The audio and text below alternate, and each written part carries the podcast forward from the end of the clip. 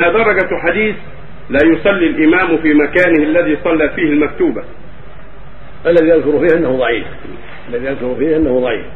هذا اللي اذكر فيه وسأراجعه إن شاء الله وأخبره في الجمعه الاتيه من باب التأكيد إن شاء الله. هل المأموم إذا سبح وهلل هل يعتبر هذا كلام ويصلي مكانه؟ لكن على وعلى تقدير ضعفه وهو الظاهر فإن الأولى الا يصلي في مكانه لأن إذا صلى في مكانه يخشى أن يظن الناس أنه يصلي فريضه أو هو يسهو يسهو يظن انه يصلي فريضه ترفع صوته بالتكبير أو بالقراءه في الليل أو ما أشبه ذلك.